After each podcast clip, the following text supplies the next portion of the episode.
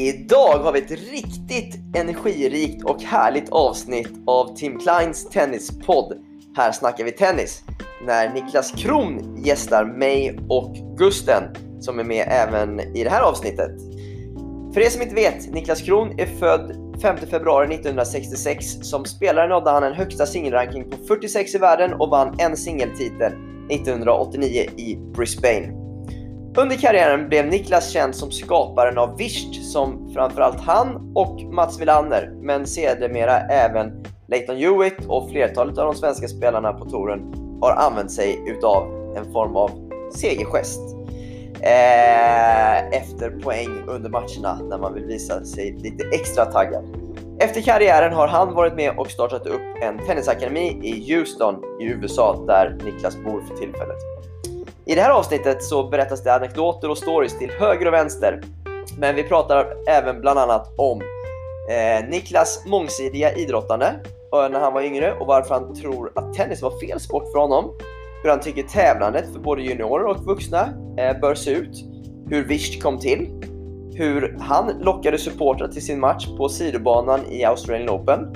Varför han tror så många svenska spelare på hans tid blev framgångsrika och så berättar han när Roger Federer erbjöd eh, honom jobbet som coach åt sin fru Mirka. Ja, ni hör, ett riktigt härligt avsnitt och det här är ett dubbelavsnitt. Så ni kommer få lyssna på första halvan idag och andra halvan släpps, släpps eh, om, ja, sådär någon vecka. Vill ni eh, komma i kontakt med mig så går det bra att mejla på linus.se.eriksson.gmail.com Glöm inte besök www.teamklein.se. Nu lyssnar vi på Niklas Kron och Magnus Gusten Gustafsson.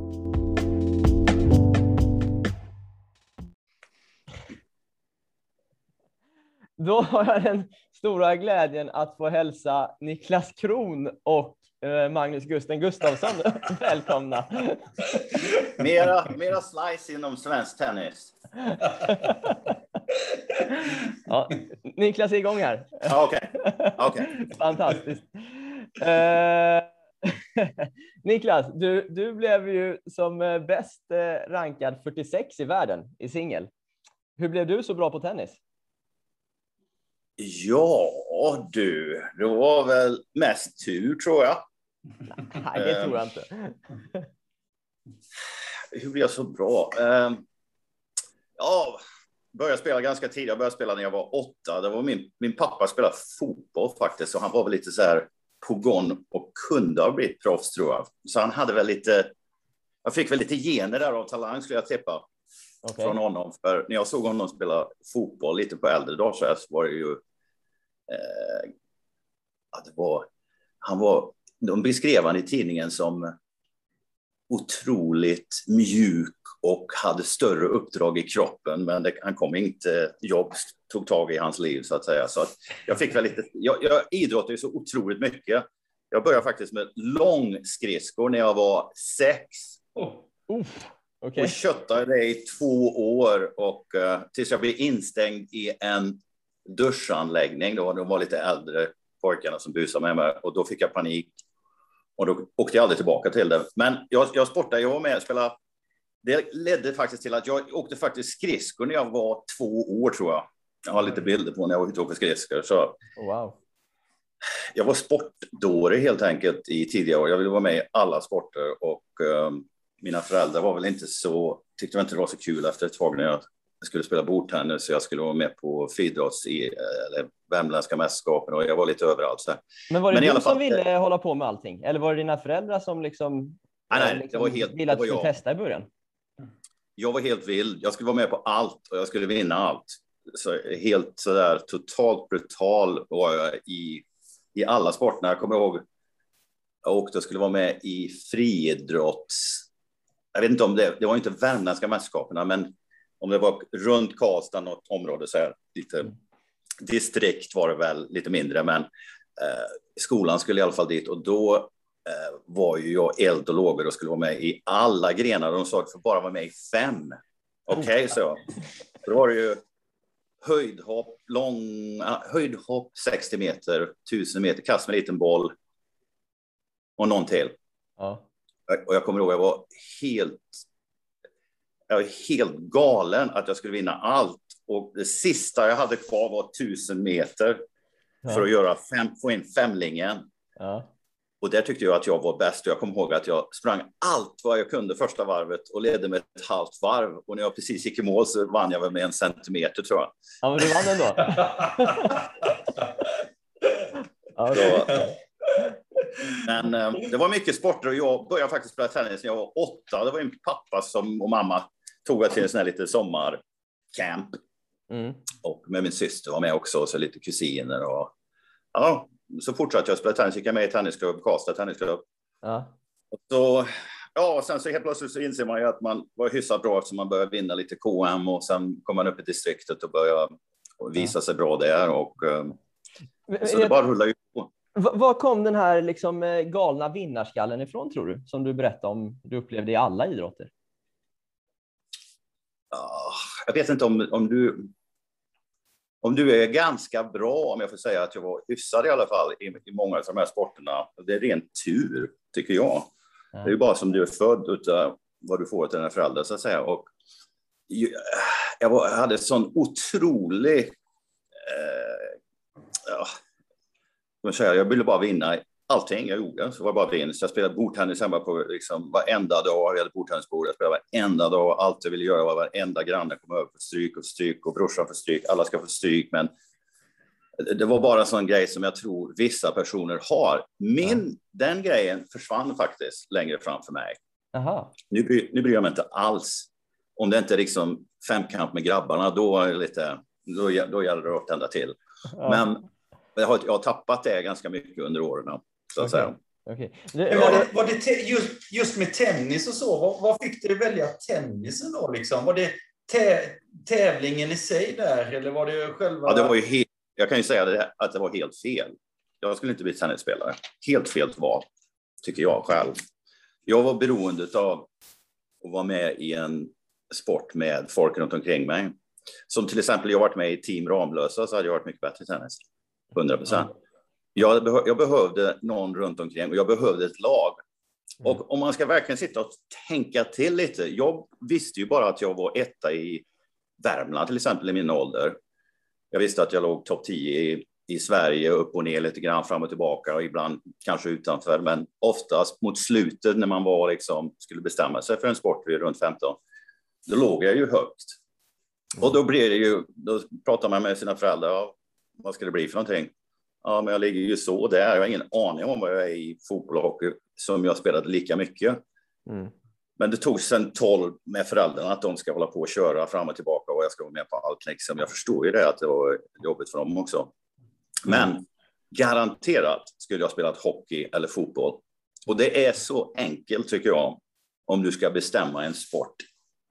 Om personen får bestämma med sin instinkt så att säga. Jag kan berätta, när vi var i kan vi varit 11, 12 så är vi på något liknande Davis Cup-skolan för Värmland.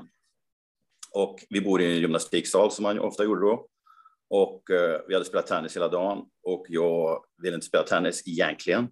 Men när vi kom till, eller till eh, gymnastiksalen så var det ju inomhusfotboll.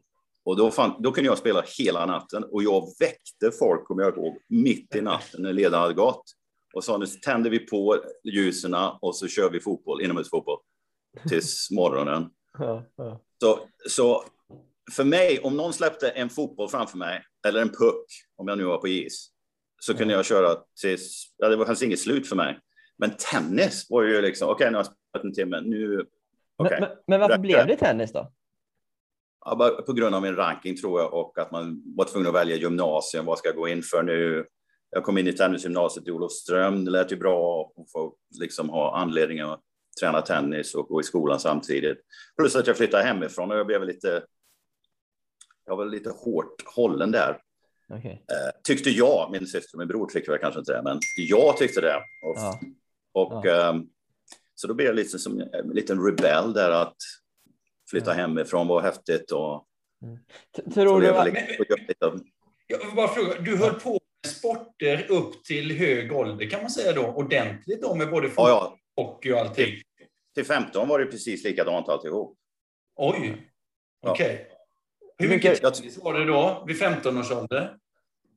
Alltså, inte, mycket tennis, inte så mycket alltså. Jag kanske spelar, vad ska jag tippa, fyra gånger i veckan och sånt där. Men okej, okay, ibland på sommaren så kunde de ju släppa av mig på ett Karlstad Tennisklubb och så spelade jag tennis hela dagen. Mm. Men jag tyckte det var lika roligt att gå in och, och spela lite flipperspel och, och lite andra grejer som man var på med på den tiden. Men, men då såg du det inte som att du, satt, du satsade du liksom inte på någon idrott liksom för att bli proffs egentligen förrän liksom gymnasiet då eller? Eller efter det till och med? Knappt då alltså. Jag menar, jag gick i tennisgymnasiet. Drömmen var ju över tänkte man lite grann eftersom en del hoppade av eh, så att säga skolan och mm. började spela proffs. Mm. Så det kändes ju på något vis som att okej, okay, det här nu är det kört. Och um, så jag hade ingen riktig tanke på att bli proffs. Jag tror inte jag hade behövt lite, liksom någon runt omkring mig som tog tag i mig ordentligt. Jag menar, som riktigt tog tag i mig. Men det var, det tyckte inte jag att det var någon riktigt som, jag kunde höra liksom, ja men du är ju bra. Mm. Ja, ja. ja men det, du kanske kan spela. Det var liksom, just i den åldern, sen lite senare så kanske, när jag var lite bättre så kanske jag var, ja men du, du måste ju liksom sköta det och träna mm. hårdare och bla bla bla, alla de grejerna som kom in. Ja, men fram... Men, ja, fortsätt. Ja, eh, som sagt var, även när jag, jag, jag åkte till Finland och mötte Gusten i, i första satelliten jag spelade, jag tror det var första. Ja. Då hade inte jag inte en chans att, att jag ska bli bra i tennis. Aldrig. Det här är ju bara liksom ett eller två år som jag ska ut och resa lite och ha kul och spela tennis och, och kolla läget lite och träffa lite roliga tennisspelare som man ju var kompisar med ja. genom alla SM och alla utomhusturneringar under sommaren. Så ja. noll, noll tanke på att jag ska bli bra. Det hjälpte ju i och för sig att se, jag kan säga två exempel. Mötte Edberg, tror jag, sista gången. Då var vi, kan, jag vet inte om jag, detta stämmer, om jag var 18 och han var 18, om inte han var liksom hur bra som helst redan då. Men det känns som att jag var 18 i alla fall, liksom precis mot sluttampen, kanske 17 eller något liknande sista gången han spelade i sån här Båstad-tennis-SM. Och då, då fick jag jag vann, jag vann ett set mot honom när jag var 16 och sen var det hårt i nästa match. Och innan det så var det ju liksom slakt från hans sida. Ett och ett och ett och ett och man var ju nöjd liksom. Ja, men det var ju Edvard, det spelar ju, det går inte att slå. Men sen kommer man ju lite närmare där så när han då går iväg och blir bra fort så tänker man ja, men det var ju nära det. Kan det vara omöjligt? Och sen tror jag att den största grejen som hände för mig var under Olofströmstiden då på tennisgymnasiet så åkte Wille Jansson upp till, som gick på tennisgymnasiet, och han upp och kvalade in i Stockholm Open. Och då blev man lite så här, va? Mm. Han kvalade in i Stockholm Open och spelade jämt mot någon, vad man nu mötte, jag kommer inte riktigt ihåg det, men det spelar inte så stor roll, bara att kvala in i Stockholm Open var ju omöjligt. Mm. Men nu visar han att det gick och jag tränar med honom ofta och liksom, ja, jag slog mm. honom idag, han kvalade in Stockholm Open. Nu är ju, lägg, lägg ihop de två, då måste man vara ganska nära. Ja, ja, ja det där är häftigt. Det är, det är väl andras framgång som man som man har på något vis då slukat till sig lite grann ja, och tänkt ja. att det inte är omöjligt. Skulle du säga att du, eh, när du sen började spela mer liksom, tennis, när du började på gymnasiet, där då, eh, hade du nytta av de andra idrotterna som du hållit på med, tror du, när du sen lite mer fokuserade på just tennisen? Ja, absolut. Allting du gjorde, jag menar, du spelar fotboll och hockey, uppsyn och lärare av folk som är runt omkring dig, men just jag menar, fotboll till exempel är ju kanonbra. Du ska spela defensiv, nu ska du läsa luckorna. Okej, offensiv, öppna upp luckorna. Så du springer ju hela tiden. Mm. Så träningen är ju fantastisk. Mm. Och det spelar ingen roll vilken boll du, du gör, tycker jag. Om du nu väljer en sport på slutet så tror jag allting är bara positivt med olika sporter. Jag kan inte se någon anledning till att det inte skulle vara. Det, är ganska kul det du säger med hockeyn i alla fall. Alltså för att Eh, Linus, vi hade ju den här innebandytouren, hockeytouren då. Och Mats Wilanders brorsa, Anders Wilander, var ju han som, eh, som fixade den här touren. Och han ringde ju mig. Och så frågade han då liksom att, eh, ja men har du spelat någon hockey? Ja, jag spelade då. När jag var sex år så spelade jag ett halvår då. Och jag trodde ju att jag var okej okay då liksom. Så, ja men det är bra, då får du sätta dig på backen då. Men det visade sig att alla hade ju spelat hur mycket hockey alla var hur bra som helst. Ja. Järryd och du och Larsson och Mats och Jocke, liksom, de åkte ju cirklar runt mig. Liksom. Så det känns ju ändå som att många har haft den här gemensamma nämnaren som hockey. Och Ja. hockey måste vara otroligt bra för tennisen. eh, Just med balans och styrka för benen och de här, just som du säger då, liksom att det defensiva tänket, det offensiva tänket och så vidare. Då. Du nämner fotboll och det är klockrent, men jag tror just hockey, det, det, det kändes som det var väldigt många av oss som spelade hockey. Ja, det var ju, gry- det var ju grym träning alltså. Jag menar, man ska köra alla pass avslutade med idioten liksom på isen, fram och tillbaka, fram och tillbaka. Och man, det var ju liksom nära och för lite uppkastning på slutet efter man körde det. Och så. Ja. så det, ja. Du, jag tänkte där Niklas, du, när du berättar att du egentligen kände att du kanske skulle hållit på med lagidrott eh, istället för en individuell idrott som tennis. Hur, hur, hur hanterar du det under din karriär, liksom att eh, den här känslan av att du hellre hade velat ha folk omkring dig? Ja, för, för mig... Jag vet inte riktigt, jag blev lite bortglömt tankarna om det, men jag drog ju mig till de svenska kompisarna. Liksom. Det var ju mycket det här kompisgrejen och få träna med, med alla. Och innebandytouren som Magnus nämnde var ju liksom vilken klassiker. Men till exempel där var ju hundra gånger roligare än att spela tennis för mig. Liksom, innebandytouren, det finns ju inte. Vi ska åka runt och spela innebandy i fem dagar och kul och möta kända sportprofiler. Jag menar, skojar du eller? Den idén är ju världsklass. Fram med, Villander och Nyström som jag nu tror kom på den här idén, alltså de är ju guld i min bok, alltså få uppleva det. Ja. jag, jag, kommer, jag kommer ju ihåg detta. Jag, jag, mötte, jag var inte riktigt med i toppen så att säga i Sverige. Där då. Jag var ju tvungen att slå Villander nere i Frankfurt för, för att få en inbjudan till sista dagen som gick i min hemstad då, Karlstad. Och vi ska möta Baltic. Det fanns ju inte. Det fanns... Och det står... Kommer du ihåg vad det blev, Gusten? Nej, jag, jag kommer Jag är Kommer du inte ihåg det? Gustav? 1-1. 1-1 mot Baltic. Det finns ju inte. Vi spelar jämt med Baltic. De är ju kungar. Och sen, och sen fick Kroondog avgöra 2-1 på hemmaplan mot Baltic. Den är mycket, tennisen här liksom, slå Baltic, det är mycket högre. ja, men det, det, det, det är som säger, det, om det är något man kommer ihåg från karriären så är det ju innebandy och hockeytouren. Det, fanns inget roligare alltså, att vara med kompisar. Jag, jag känner som dig, jag, jag kanske också var mer en lagspelare än den här individuella spelaren, men i och med att vi var så många på touren hela tiden så kändes det som man var ett lag. Alltså. Men det Ja, det. det, det som jag tycker är intressant också, det är ju liksom vad var och en från alla, alla oss tillförde. Men vi, kan komma, vi kommer in på vad du tillförde, det finns ju hur mycket som helst. Liksom. Men när jag tänker tillbaka på det, liksom, Ken Karlsson till exempel, han var ju liksom en Duracell-kanin som bara sprutade energi till allihopa. Mats var tryggheten liksom och satte ramarna för gruppen eh, och så vidare. Så att alla hade ju sin betydelse också. Det är väldigt intressant. Utan Ja. att någon liksom som säger liksom de här direktiven, utan det, det blev alltså på, på något sätt. Håller du med? Ja, det håller jag med om. Det håller säkert många andra sporter i Sverige. Pingislandslaget som gick igenom Ja. något liknande som oss. Så det, det, det tror jag många håller med om faktiskt. För det, det blir ju all... Jag menar, vilket land... Jag kommer ihåg att jag spelade Australian Open första gången. Och så givetvis, du är runt och tittar på, på svenskar och så där, bla bla bla. Och du skäms lite när du sitter i omklädningsrummet så kommer en svensk in och liksom så ska du, måste du fråga hur gick det? Vilket givetvis ofta du inte behövde, för du tittade i alla fall på tv vad resultaten var. Men du skämdes lite om du inte var där och inte visade vid, vid något tillfälle. Liksom, va? Du, du har inte match och du var inte på banan. Liksom. Så det blev liksom självklart att gå, även fast det var så varmt, men att kika lite.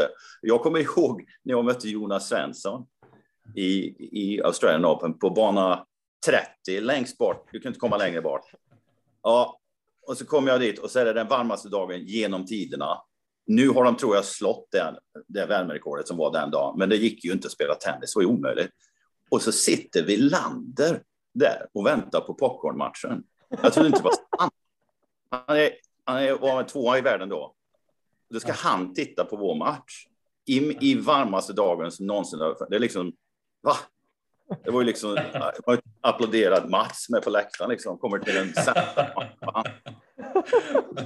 Ja, då, förstod, då förstod man ju att alla hade det i sig liksom. och det blir ju som det blir en trygghet. Och att, liksom, du var ju aldrig ensam ändå, fast det var individuellt. Ja. Givetvis, man var inte kompis kanske med 100 procent av, av oss, men alla var ju trevliga mot varandra och så, men det var ju nästan 100 procent. Det är kanske någon som klaschar mot någon, men det är väl otroligt att alla var så tillsammans som vi var. Alltså.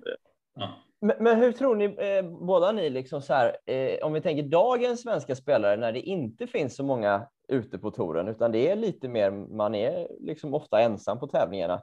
Hur, och, och, om man ändå känner att man egentligen är en, en lagpersonlighet, så här, hur, hur kan man göra då för att ändå skapa den här känslan när det inte finns så mycket svenskar där ute? Förstår ni vad jag menar? Ja, absolut. Jag vet inte om Gustav vill säga någonting, men, men givetvis kan du spela dubbel. Då är det lite mer Just det. positivt att ha någon med dig. Men eh, det gäller väl att jag menar, om du kan skapa som, som Magnus som hade liksom Team Ramlösa eller Team Siab som det kom upp, liksom, sådana grejer hade ju varit bra för mig individuellt i alla fall. Kanske inte för alla, men på något vis eh, känns ju det liksom, det hade ju varit min dröm det att kommit in i ett sånt läge om jag fick göra om det så att säga. Jag hade Mm. behövt det. Jag menar, jag vet de få gångerna kanske eh, Gusten, jag kommer ihåg Gusten vi var i Monte Carlo och Tim Klein tog tag i, han var med alla svenskar kommer ihåg nere på beachen och tränade liksom och då tränade jag som en idiot för det var så kul för de andra var med. Men liksom om jag skulle ta tag i det själv så, här, så hade jag problem liksom. Det gör vi imorgon liksom. Det, det, det löser sig. Men, men jag hade ju behövt den. Det var inte så att inte jag liksom var träningsvill eller så. Det var bara det att jag var oorganiserad något fruktansvärt skulle jag vilja säga.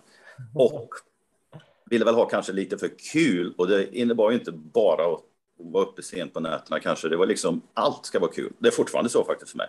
Ja, ja. Men, Jag men, kommer till det.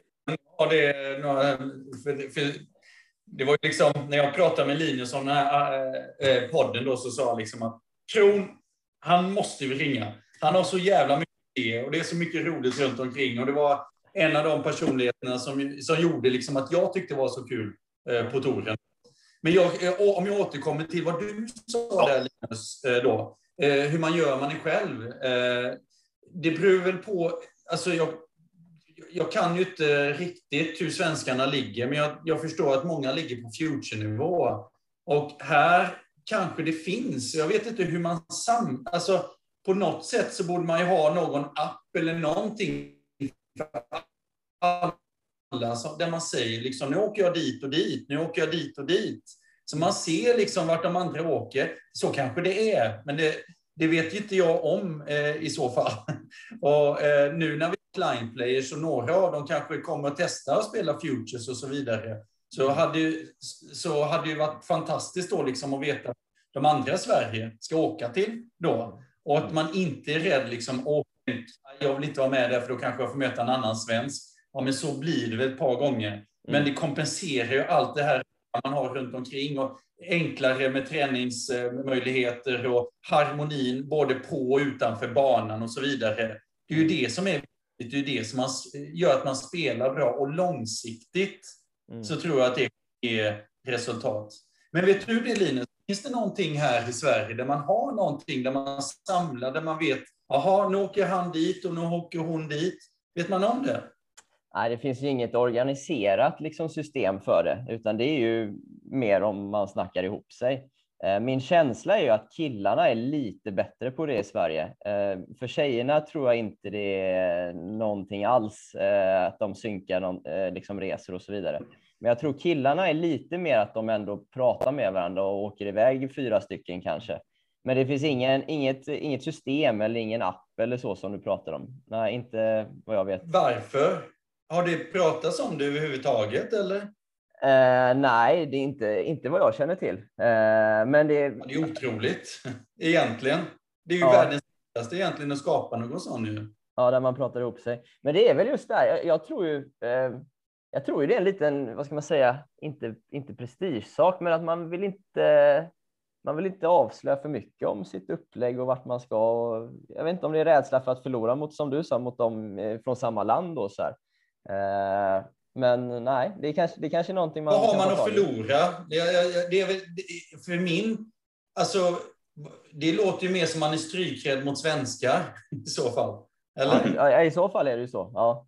Men, men samtidigt tror jag inte... äh, Jag, jag tror de är ganska vana vid, alltså det vet ju ni på en viss nivå. Det är klart man möter varandra ibland så här. Eh, så jag tror ju det, det kanske egentligen är lite mer juniorgrej så. Men nej, jag vet inte varför det inte finns faktiskt.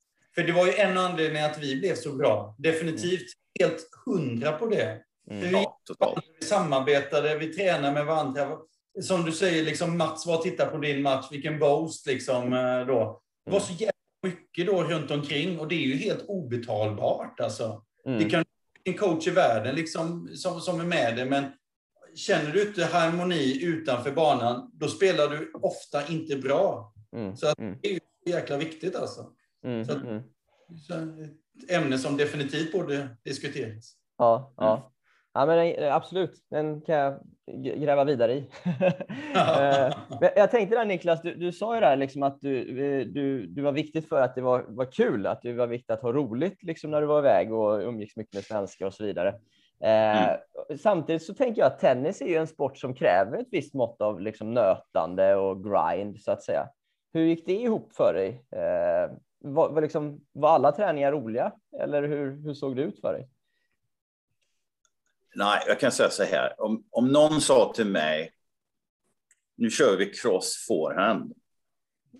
Det måste någon ha sagt någon gång. Ja, ja, ja. Det börjar, det börjar tidigt. Ja. Och jag, jag bara rullar på och tänkte, vad är det de, vad gör vi nu? Slå cross forehand, hur tråkigt som helst. Ja. Vi, spelar, vi spelar poäng istället. Det hade jag inom mig, men nu förstår jag ju, jag menar, jag säger det hela tiden om jag tränar någon. Men jag brukar göra lite twist på det så det blir lite kul. Eh, och så lite, vad är anledningen? Liksom, för jag hade, var ju lite rebell där. Vad är, vad är det för bra för det här? Liksom? Bara stå och slå forehand? Vadå? Kommer jag aldrig missa. Helt meningslöst. Men sen får man ju tänka lite, nu när man blivit lite äldre så förstår man ju det lite bättre, måste jag ju säga. Men det var ju det som låg inom mig. Att det, det var tvungen att vara kul liksom. Och det innebar att jag ska slå den andra, spela poäng. Mm. Jag ska slå några slag mellan benen. Jag ska, liksom alla de här grejerna var ju bara inombords för mig. Och hade jag bara haft rätt tränare som kunde liksom eh, sagt de rätt, rätta grejerna och förklarat det lite mer så, så, så hade ju jag, ja, jag hade ju tränat bättre så att säga. Okej. Men hur, kan såna, hur kan sådana twistar vara? Om vi säger att du, du har en spelare idag som behöver träna forehand cross. Hur, Ja. hur kan du göra en twist på det för att det ska bli roligare? Ja, du, kan, du kan ju, för att göra det roligt, om jag skulle gjort det så kan jag liksom till exempel göra, okej vi kör forehand cross, men vi får bara slå forehand och vi ska försöka vinna poängen, bara cross. Mm. Och så kan du, då kan du rotera, försöka slå den i mitten så per, personen slår en backhand och så öppnar du banan så kan du fortfarande döda poängen. Mm. Men det gör det lite, lite intressant för mig till exempel. Men sen om du ska, om du ska göra till exempel, vad är anledningen att vi gör cross? Vad ska jag tänka på? Ja, Okej, eh, det ska vara fotarbete vi kör. Du ska, du ska träffa du ska träffa dina fötter sju gånger mellan varje slag. Prova det. Mm. Och så gör du det i två minuter så är du helt körd. Mm. Liksom. Så, men då har du ju en anledning till att du ska röra fötterna otroligt mycket, kanske lite väl mycket. Mm. Och så ska du ändå inte missa, vilket du inte gör i stort sett om du rör på fötterna så mycket. Det. Så, så um, ja, två Då är vi- olika anledningar. då är vi inne- Ja, då är vi inne på det Gusten som du brukar prata om, att skapa utmaningar. Både till sig själv och, och i övningarna då kanske. Jag tror just den där utmaningen, för många i alla fall, det är den absolut viktigaste. Att man hittar den här utmaningen då eh, i, i de här olika övningarna. Då. Mm. Och eh, jag, jag, jag lackade också på det lite för mycket, liksom, när det blir bara forehand cross, forehand cross, forehand cross. Jag behövde också... Va? Slog du får en, mycket får en? I- Ja, i sig, det har jag nog aldrig gjort i och för sig. Alltså. Jag drar, i, jag drar i armen här bakom. Okej, sorry. Fortsätt nu. Det var därför jag lackade. Nu, förstör, nu förstörde jag din tanke här. Kör, kör nu. Back, back, backen, backen cross har slått någon gång i och för sig. Alltså. Kort cross, den ofrivillig. Men, men Gusten, hur var det för dig när du var aktiv där? Liksom, kunde du stå och nöta lite eller tyckte du också att det var, var segt egentligen? Eller hur gjorde du det, det berodde på, alltså, vissa saker kunde jag nöta. Jag var ju galen i det där bollmaskinet då. Men det var ju liksom bara för att jag skulle se hur många gånger, vi körde sån här bollmaskin, 70 sekunder, hörn, hörn, vila 20, 70 sekunder. Men det var ju bara liksom för jag ville slå rekordet då. Hur många gånger skulle jag klara då, liksom 70-20 då? Mm. Jag kom gånger i rad en gång, kommer jag ihåg. Liksom.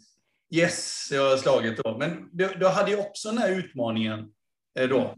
Eh, och då, då jag ihåg, jag körde det där med musik och sådär, så det blev lite roligare i alla fall. Liksom. Men inte när jag var yngre. Jag tyckte, det var det också som eh, eh, Niklas sa, liksom, då ville jag ju bara spela poäng. Det var ju det som var roligt. Poäng, mm. poäng, poäng hela tiden. Då, liksom. eh, men, men, Tim då, han, han, han var ju väldigt mycket på med, med, teknik. Liksom, så att, jag var ju inte lika intresserad, men han lärde Jag kanske inte var den mest tekniskt fulländade spelaren, om man säger så. Eh, men jag utvecklade mitt spel någorlunda i alla fall och lite mer genom åren. Ju äldre jag blev, desto mer jag förstod liksom att det var viktigt med, med fler verktyg i verktygslådan. Då, liksom. Jag fick ju aldrig de här riktigt bra verktygen för att kunna ja, vinna de riktigt stora titlarna givetvis. Mm. Mm. Just det. Eh, vi, vi har ju touchat det lite här nu, men om man tänker så här i, i dagens samhälle med, med, med barn och ungdomar så är ju tålamodet eh, ja, eh, ofta det är ju kortare om man vill ha snabbare omväxling liksom i sina aktiviteter och, och vad, vad barnen gör, gör för någonting. Hur, hur, behöver vi mer anpassa våra träningsmiljöer tror ni utifrån hur det ser ut idag? Eh, hur samhället ser ut idag för barn och ungdomar? Börjar du? Det är USA? Nej, du börjar. Nej, du börjar. Jag börjar. Nej, men det är ju lite... Eh, alltså, vi har ju inte startat Små lirare för intet. Det är ju det att eh, den organiserade spontanidrotten, eh, man, precis som jag pratat om hela tiden här, liksom här, gruppen, har kul tillsammans, utmaningar. Vi har ju nämnt alla de orden som vi kör i, i Små lirare då. Det är ju jätteviktigt klubbträningen är ju basen, men, men att hitta runt omkring som gör liksom att, att, eh, att, att du träffas, du har kul, det finns hjälpmedel med, med sociala medier så du kan träffas hela tiden i stort sett. Det är det som gör att från att du går på tennis till att du blir tennisspelare mm. och att du mer lever tennis, så att säga. Då? Mm. Eh, så att, men det beror ju på åldern. Men från början i alla fall så ska man definitivt tänka så. Eh, upp till 12 års ålder. Sen därefter har jag märkt, i alla fall från vår grupp i Små lirare, att de som, de som fortsätter med tennis, de är verkligen fångade. De tycker det är det roligaste som finns. Mm. De vill utvecklas hela tiden då. Men sen, jag fortsatt, även när de är äldre, så tror jag fortsatt på det där med utmaningar och så vidare. Då, liksom. att, att, att ha skoj, liksom. att uh, ha roliga, hitta roliga tävlingar, vara tillsammans och så vidare. Och här, så här, här är också, jag tror, jag, som jag sa till dig Linus, skulle, skulle Krondag varit här i Sverige så skulle det funnits hur mycket roliga turneringar som helst. Med ja. roliga övningar. Det vet jag att jag har gjort i, i eh, i USA. Mycket roligt då. Och jag vet, ja, det är säkert så. Du har säkert fått inspiration för någon, från någon, men du har säkert sådana saker som du kommer på, kommit på själv. Nu snackar jag lite för mycket, nu får du ta över här. jag, jag, har inte, jag har inte jobbat så mycket med, med barn och så. Det är mest individuella som är lite äldre, från 12, 13 sådär mm. uppåt. Men eh, jag vet faktiskt inte riktigt vad jag ska svara på på det där. Gusten tyckte jag nämnde de rätta grejerna. Ja, ja. Men eh, jag har inte haft så mycket, liksom, jag, jag skötte en klubb och så blev det så mycket runt omkring en klubb och allt detta med tennisen försvann lite mer och mer och jag var inte så involverad med juniorerna. Vi, even då, eller vi hade en, eh, kan man säga, en toppgrupp som mellan 14 och 13 till 16 så här, som var de bästa spelarna, som nä, nästan alla spelar i college nu, så de var ju bra. Mm, mm. Så, men eh, där igen, min grej liksom när de kom till min bana och jag körde med dem så körde jag mycket teknik. Liksom och fixa till dem så att allting är klappat och klart när de kommer till college. Så, så, Och sen mest, mestadels igen kommer att ha kul, att de kommer in liksom att de vill fortsätta spela, att de hade hur roligt som helst den dagen och alla grejer vi gjorde var hur kul som helst. Och ja. Bara så de har det riktigt roligt. De lämnar liksom ett leende på läpparna och vill tillbaka nästa gång. Och man känner det att de, ja, men nu är det hur kul som helst. Men, men hur skapar man den miljön då? Vad, mer specifikt, vad är, det man, vad är det du gör för att det ska bli hur kul som helst för dem? Ja, det är väl, man får bjuda på sig själv lite grann och bli lite ung igen och, och tramsig och komma på lite roliga eh, scenarier, spel och grejer, speciellt på avslutning. Det är ju givetvis en fas där det måste vara riktigt seriöst när du går in på banan. Men jag kommer ihåg att jag hade en kille, han var sex sju år och föräldrarna sa han kommer bli liksom bäst i världen. Och ja, ja, ja. Och ja, ja, ja, ni kan gå nu. Då skulle vi se träning och så. Ni får inte vara med när vi tränar. Och han var ju liksom, jag märkte ju på honom att han, det var jobbigt detta med att höra att han var så bra. Ja. Och eh, så, så, så fort de, jag gjorde ingenting. De åkte, jag bara sa, jag börjar inte förrän ni åker. Så det var alltid regeln. Och det är tio minuter. Och det kunde vara minitennis. Vi, vi spelade ju alltid något spel så att säga, men ofta minitennis och man ska träffa något, någon grej på liksom någon target och, och sen givetvis försökte göra hur seriöst som helst en kort tid. Och detta var ju en kille som var jätteung och vi kanske bara spelade 30 minuter oftast. Mm. Så det var inte liksom långa grejer, men det var just det här, nu måste jag försöka skapa att han inte slår honom och det, det var eh, inte lätt. Nej, nej. nej med. Och, och Så, det... ja, fortsätt. Ja, specifikt liksom, har jag väl ingenting riktigt att säga liksom, exakt vad vi skulle göra på banan. Så här, mer, än, mer än, tänk till lite vad man tycker själv var kul i den åldern, eller även nu. Om jag skulle liksom in och spela, vad är det som är roligt med tennis? Mm. Vad är det som det är kul vara, då? Ja, det kan vara som när jag och Pernfors spelade Atlant. Nej, inte, uh, spelade vi Tampa. Mm. Slog inte en tennisboll innan en enda match. Vi spelar bara fotbollstennis. Alla andra spelare trodde vi var helt tokiga. Vi kommer in och spelar fotbollstennis i 30 minuter och så gick vi.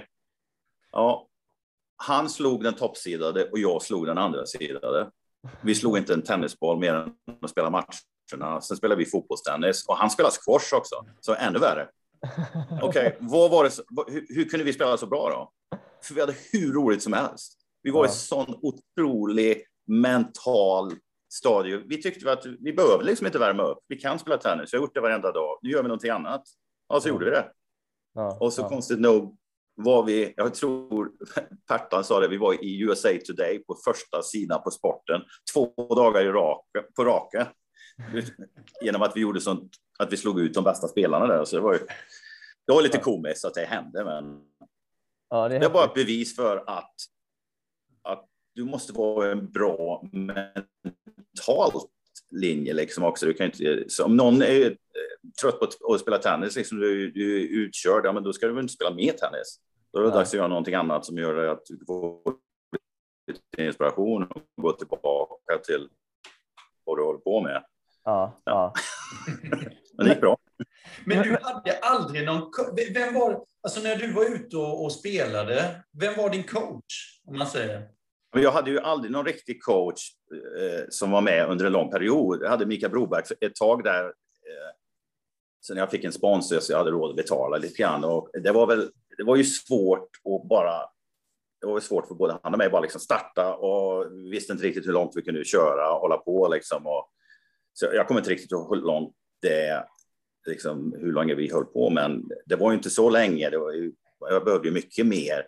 Men de viktiga och liksom mellan, när du börjar tennis, när jag började tennisgymnasiet där 16 framåt, vi hade ju coacher, men det var ju ingen riktig individuell som höll i mig och drog i mig och satte mig ner och sa nu får du skärpa till dig och bla bla bla, så här ska du göra. Och, och även någon som sa att verkligen, jag tror jag behövde faktiskt höra att jag var bra, konstigt nog. Och det ligger faktiskt tror jag, i hur jag var uppväxt med mina liksom, föräldrar. Jag hörde liksom aldrig det riktigt. I alla fall har jag inget mentalt minne av att de sa, ja men du är ju hur bra som helst i bla bla bla, vad det nu var. Eller det här var otroligt. Givetvis om man vann en DM någonting så var det gratulationer och så, det var ju bra spelat. Och Men jag kände ju aldrig riktigt att jag är riktigt bra. Min, min story där är ju helt lite småotrolig faktiskt, om jag kan berätta den lite knappt, snabbt. När jag spelade, jag lånade pengar av min pappa och i början var väl finska satelliten som vi, vi båda spelade, du och jag. Och eh, sen så, kan det ha varit ett, två år senare, då sa min pappa till mig, jag kan inte låna dig mer pengar nu, så nu är det sista turneringen du åker på. Det är slut sen. Då åkte jag till Firth en Challenger. Och jag hade inte, liksom, jag visste att det var sista turneringen och jag spelade kvalet. Och spelade första matchen i kvalet och vinner den lätt. Då kommer det fram en person till mig och säger så här i typ helt galet tyckte jag. Du, du kommer vinna turneringen. Du är bättre än alla. Ingen har en chans mot dig. Och jag bara sa, ja, jag vann en match. Jag har, jag har, faktiskt inte, jag tror jag har spelat en Challenger än så länge i mitt liv. Liksom. Det skulle vara kul att kvala in först liksom, och få vara med. Nej, du vinner lätt. Och så såg han det på andra matchen också. Och jag tänkte, han är ju helt galen den här mannen liksom. Ja, det var som jag sa, du, kommer, du vinner turneringen och han fortsatte. Och sen var han runt om mig hela tiden och jag tyckte han var jobbig, men på samma vis så var det så skönt att ha någon som sa att jag var bra där i det läget. Och jag visste att det var sista turneringen, så jag hade ju enormt tryck på mig egentligen, för det var slut. Det är faktum faktiskt. Ja, och eh, så kvalar jag in, bla bla bla, och då ska jag möta Menno Oosting, som nu kommer du ihåg Östen. Och han hade slått mig med 6-1-6-1 i typ en eh, satellit bara månad innan eller något, kanske för turneringen innan. Det var inte långt och jag sitter med den här mannen då. Han säger, du slår honom lätt. Han är inte i närheten av dig. Ja, men jag sa, jag fick två game sist. Ja, men han ska vara nöjd om han får två game. Och jag bara, Va? vad pratar han om den här killen? Ja, och han är runt omkring mig och så vinner jag hela turneringen. Och liksom, då insåg jag, och han, han matade mig bara med information om att jag var bra. Så till slut det är ju allt jag hör. Liksom, ja, du är bra, så vinner du lite matcher. Och, så, och det var det jag sa. Och just det, han har rätt på något vis, den här gubben. Och så betalar jag igen alla mina pengar till min pappa. Ja, tänkte jag, nu kan jag spela tre, fyra månader till, kanske lite mer om jag är lite snål. Och då, fick, då säger han att, till mig att jag ska spela Frankfurt och han ska fixa wildcard i huvudturneringen. Och jag bara, ja, ja, ja. ja. Den här killen snackar mycket trams alltså. Ja, då säger han, ah, eh, eh wildcarden är redan borta. Det är Villander och, och någon liksom till då, topp. Villander var väl trea i världen och någon som var topp 20. Liksom. Ja, ja, jag bara skrattar. Jag visste ju att ja, men jag, jag har inte anmält mig till den här turneringen så vi tar nästa turnering då. Ja, men jag fixar wildcard i kvalet, sa han då. Va? Jaha, okej. Okay. Jag, kunde ju, jag hade ju varit med i kvalet om jag hade anmält mig, men okej, okay, han fixade wildcarden, som han sa. Och i kvalet eh, mötte jag Saciano i kvalfinal, kommer jag ihåg, och det sitter Günther Bosch liksom på den här sidbanan, då, precis inte i honom. Liksom. Och det är ju liksom, va? Boris Beckers för detta coach, hans nya spelare. Men på något vis har den här killen pratat med, hade inte han varit där så hade jag fått stryk av Saciano. Men han sa, Saciano har inte en chans mot dig. Det var liksom allt jag hört. Ja, ja, så vinner jag den matchen och då kvalar jag in. Och jag är ju helt i esse då och får spela Frankfurt. Det är ju helt otroligt liksom att vinna. Och då kommer jag ihåg, då försvann allt precis där.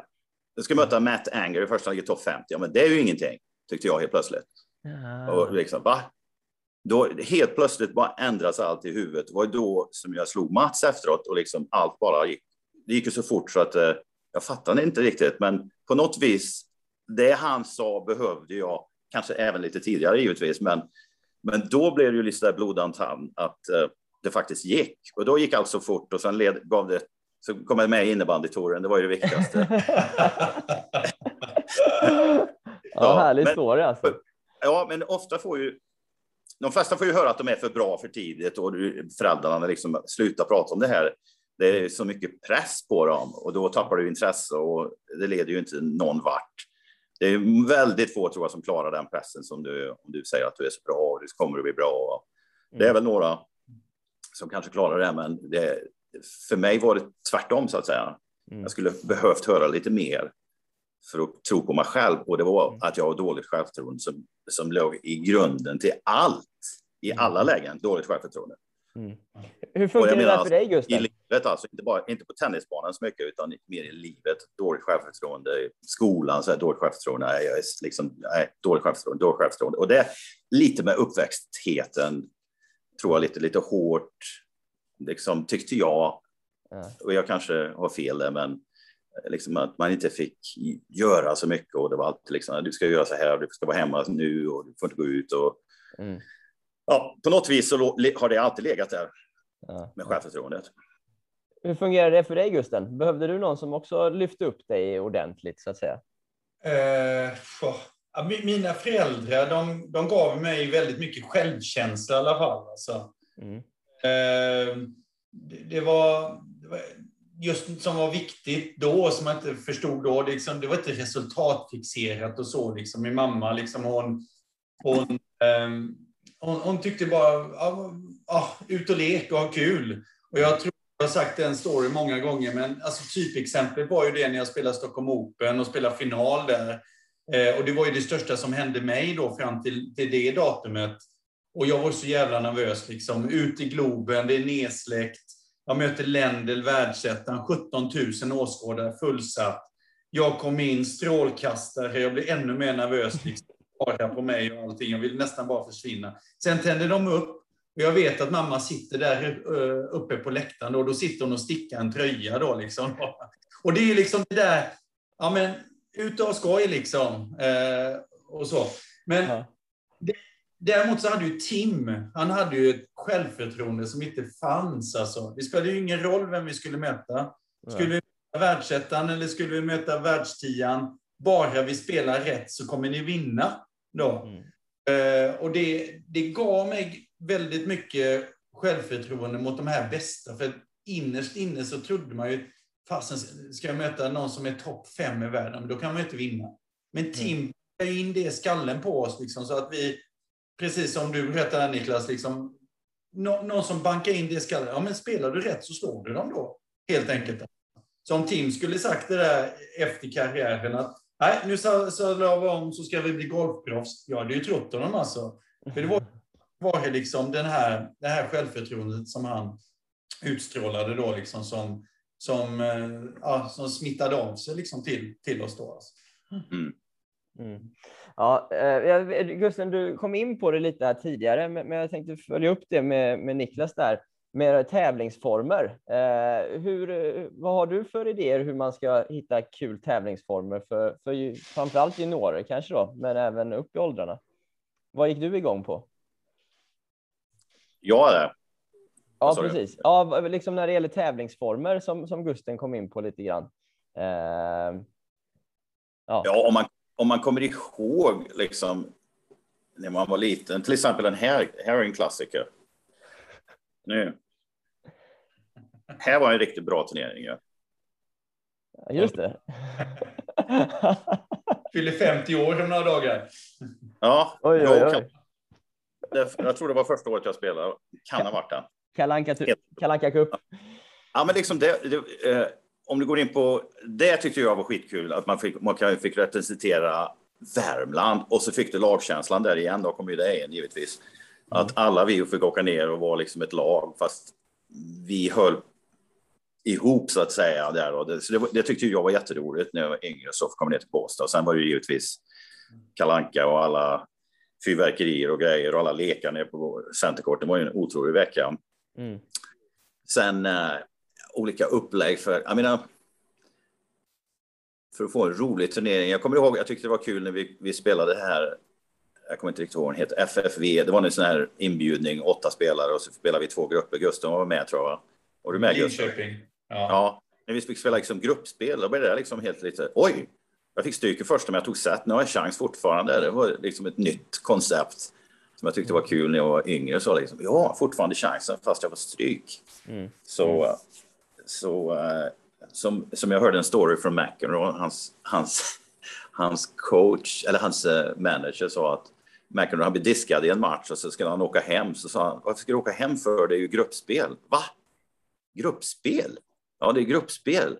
wow! Och han hade blivit, eh, han hade blivit avkastad av banan, eller de hade tagit honom av banan i första matchen. Så han blev diskad och då sa, då sa han direkt, fick han nytändning och sa jag ska bli den första i världen som har blivit diskad och vinna en turnering. Komma tillbaka. och det gjorde, det gjorde han tydligen. det är otroligt. Men, men mer idéer om själva... Jag vet inte riktigt. Jag, menar, jag började med minitennis och grejer nere i Båstad. Det tyckte jag var jättekul. Det var ju sidprojekt, men själva upplägget på turneringar. Jag har ju mest gjort såna här lite för, för äldre folk på min klubb så att säga. Och det, är ju, det kan ju vara allt möjligt från att jag sätter på en film och imiterar fyra av deltagarna och så ska de säga vem det är. Och jag har haft folk som har, jag har haft fruar som har trillat ihop och skrattat så de fick bära ut dem efter de såg. Så, jag är väl med lite, lite mer där och har kul, men det går ju även in på de yngre också givetvis. Ah, det är ju mitt barnet inom mig som fortfarande leker så att säga. Så att, eh, men jag vet inte, Gustav, vad tycker du för Nej, men jag, jag köper ju det du säger också. Vi hade ju pratat med Jonas här eh, förra veckan, jag och Linus. Jag tycker Jonas upplägg eh, som de har där nere i Schweiz är väldigt bra. De försöker ja. involvera hela familjen på något sätt. Nu är ju alla så, alla har ju så mycket att göra hela tiden. Ja. Och prioritera olika saker då liksom. Ibland blir det att de kör ungarna till turneringen och sen så tillbaka och tack och hej. Här försöker ja. de göra allting, både för föräldrar, för, lilla, eh, för, eh, för syskonen och allting då liksom. Han berättade om vinprovning, det var chokladprovning någon gång liksom. Det var minitennis som du säger. Ja. Och det är ju det liksom att det ska hända någonting runt omkring. Det är inte bara tennisen då. Det är ju mm. toppen. Sen så, sen så finns det ju som du säger, det är kul liksom att testa på lite olika tävlingsformer. Den tävlingsformen i gruppspel, den är kanon. Den som Frankrike har, liksom, när du hela, alltså alla kan vara med. Det är bara att om du är lite sämre så börjar du första omgången. Är du lite bättre, då kan du till och med börja i kvarten eller semi med en gång. Det är också en fantastisk... Så att variationen, lagspel, två, två stycken, fyra stycken, liksom, elitserien, Bundesliga, allting det där. Variationen, det gjorde ju att det blev skoj liksom. Så att det är samma hela tiden. Ja. Mm. Men då är det, det är ganska, för att det ska bli så här lite speciellt och extra kul, då är det ganska viktigt det här vid sidan av banan, eh, om jag förstår det rätt. Mm. Ja, jag tycker det, liksom, för att jag tycker lite för mycket ibland. För många är det liksom att nu ska vi spela en tävling, så körs de dit och så körs de hem. Framförallt i barn i yngre åldrar. Och vad, då har man ju inte varit där och tävlat ordentligt. Det är ju liksom, man kommer dit, och super atmosfären, prata med andra, lära känna dem. Mm. Eh, efter matchen, liksom, har man fått en förlust, liksom, det, är, det, det, är tufft, liksom, men sen får man träffa kompisarna och sen så kommer man hem glad ändå efter turneringen. Mm. Det är mm. viktigt alltså, att, att få den känslan då, istället för att liksom, sitta i bilen, åka dit, förlora matchen, sitta och, och åka hem igen. Alltså, den är ju fruktansvärd den känslan. Alltså. Sen är det ju det som vill åka hem direkt ändå, absolut. Alltså. Men jag känner ju det, jag, jag känner ju det som liten i alla fall. Det var ju, det var ju så roligt liksom, ja, runt omkring också. Jag vet inte om du har med mig det Niklas, men så upplevde ja, men jag, jag spelade ju Orange Bowl en gång. Jag var där med mina föräldrar på semester. Jag var inte riktigt uttagen från Sverige, men jag fick vara med i alla fall i 14-årsklassen spelade jag nog, tror jag. 14, jag vet inte om den finns, kanske 16. men i alla fall, jag, jag var där, jag, jag, var inte gammal, men jag spelade då. Och det var ju otroligt svårt. Det var första gången jag fick spela utomlands, här, så liksom spela där. Jag, jag var ju så blyg så att jag, jag vågade ju knappt komma till banan. Liksom. De fick ju dra mig dit och jag liksom stod bakom ett en byggnad när, de, när pappa sa liksom, du ska in och spela nu och så, och så helt plötsligt började vi spela och så visade de fingret. Jag tänkte, va? Hatar de mig eller vad är det där liksom? Jaha, det var att bollen var ute liksom. Ha, fick man lära sig det? Jag har aldrig hört talas om. Ja, bla, bla, bla. Jag kanske vann någon match. Jag vet inte riktigt hur det gick, men jag fick stryk i alla fall. Och så nästa dag kom jag tillbaka dit, jag, jag och pappa, för då sa pappa, jag ska kolla på liksom, jag tror Quickstein var, var väl den etta sidan. För det var ju många bra namn med i turneringen om man tittar på resultatet efteråt. Så det var ganska kul. Men i alla fall, vi kommer dit och så tittar vi sitter vi där och tittar på någon match och så helt plötsligt kommer tävlingsledaren och sa, var var du i morse då? Ja, jag på hotellet. Ja, men du skulle ju spela i morse. Nej, jag fick stryk igår, så jag. Du, du måste ha skrivit på fel. Jag fick stryk igår. Ja, ja, men det är ju liksom eh, backdraw. Liksom. Va? Ah, okej. Backdraw? Vad är det för någonting? Ja, men det var tre timmar sedan du lämnade V och de ska precis in och spela nästa runda nu. Ja, men jag ska kolla med han den killen du mötte, säger han. Va? Ja, då kommer han tillbaka och säger, ja, killen, han, han förstod liksom att du inte vet om det här, så han är okej okay att spela matchen nu. Och så jag liksom, jaha. Och så, så fick jag ju tre, fyra, så gick det ju bra där. Då. Så jag så började få lite confidence och så jag, så jag vann ju några matcher där. Då. Men det var ju, det tyckte jag, backdraw liksom. Loser bracket. Och det är ju bra. Och det har de faktiskt tagit ett steg till med här nu i USA, att du är garanterad tre matcher. Så du får stryk, stryk, stryk. är ju kanske inte så kul. 0-3 kan du bli, men du får garanterat tre matcher, vilket jag tyckte var ganska roligt när jag gått och tittat på en del juniorer. Så här, liksom, ah, de fick stryk liksom. Man, ah, vad synd, du spelar, han kanske spelar dåligt eller hon spelar dåligt. Så här, liksom, har du fått en match till? Liksom. Ah, nu får de en match till. Och sen mm. så får de en chans till. Mm. Även kanske att men du är där länge och liksom, det känns som en riktig turnering, även fast de blir 0-3 kanske i matcher. Kanske ja. vinner en match. Så det, det tyckte jag var en bra grej, alltså faktiskt, mm. som de har infört här. Minst ja, tre, garanterat. Ja, det är alltid bra med matcher. Ja, det kanske är lite svårt om du spelar skummeslöv på några få banor och få in så mycket matcher, men eh, det är en bra idé faktiskt. Mm, mm. Eh, jag tänkte fråga dig Niklas. Eh,